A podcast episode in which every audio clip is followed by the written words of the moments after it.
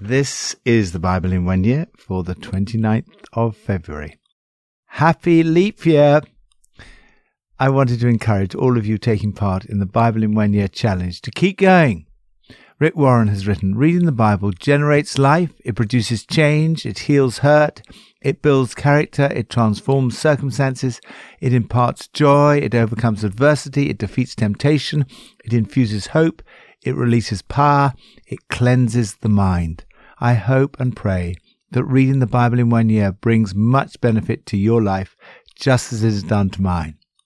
From Psalms and Proverbs, Keep delighting and meditating on God's words.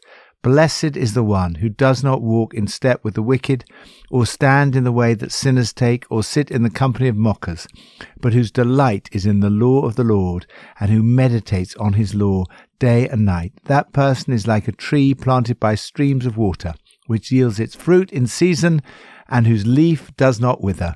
Whatever they do prospers. From the New Testament. Keep focused on Jesus as you read. You diligently study the scriptures because you think that in them you have eternal life.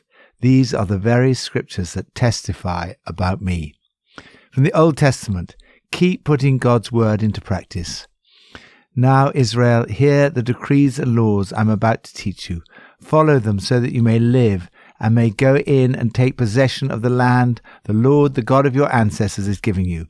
Do not add to what I command you, and do not subtract from it, but keep the commands of the Lord your God that I give you. Pippa adds, Hooray! A day off.